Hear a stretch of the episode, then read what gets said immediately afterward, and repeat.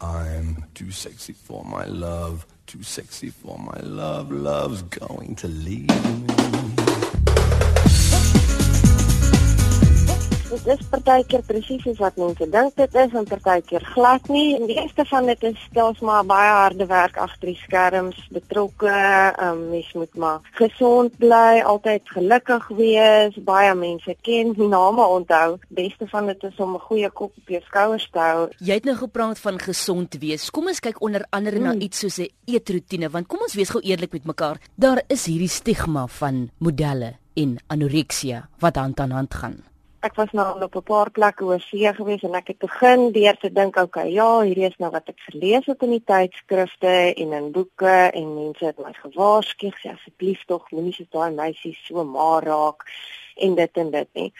Ek was gelukkig van skool af redelik skraal. Ek sou nou nie sê model maar nie, maar toe ek raak gesien en al advies wat ek gekry het was maar net om meeste van die watergewig te verloor. En ek het begin leer net 2 liter water 'n dag te drink en nie te suiker uit te sny want ek het maar 'n soetand. En ek begin reise te sien ek weet die meisies ek het nog nooit 'n ongesonde uh, gewoonte gesien afspeel voor my nie. Al wat ek wel gesien het is meisies wat verskriklik baie tyd in die gym spandeer en meestal groente eet en water drink So meeste van dit het my eintlik geïnspireer om gesonder te wees ten spyte van die aardige stories wat 'n mens hoor.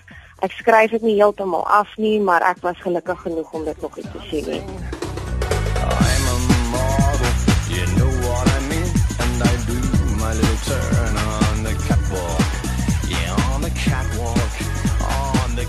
Hoe belangrik sou jy wel sê is dit vir 'n model om daardie model grootte te wees? Sommige mense ken dit as die nul grootte. Gelukkig is ons vandag in 'n tyd waar ons nou meer aspireer om te wees soos die voller figuurmodelle of wat hulle nou real size noem.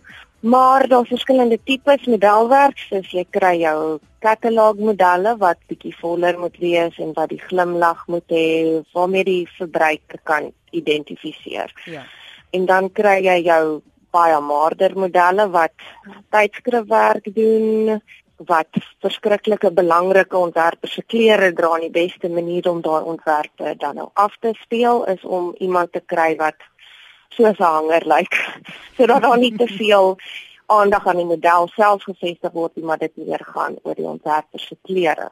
Dramatiese angles en watter kreatiewe dinge jy kan doen saam met die fotograaf om daai ding net so dramaties as moontlik te laat lyk. En loopplank? Loopplank meisies is redelik, maar hulle neig ook om al hoe jonger te gaan sodat hulle nie hoef vir ouer meisies te sê wat om te eet en wat om nie te eet nie want as jy 17, 18 jariges is mos maar natuurlik maar want hulle gaan deur daai fase. Ja, nou so gepraat van die tieners.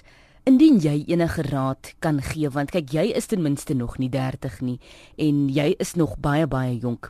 Wat het jy geleer wat jy kan oordra aan ons jonger generasie wat aspireer om hierdie selfde werk te doen wat jy tans doen?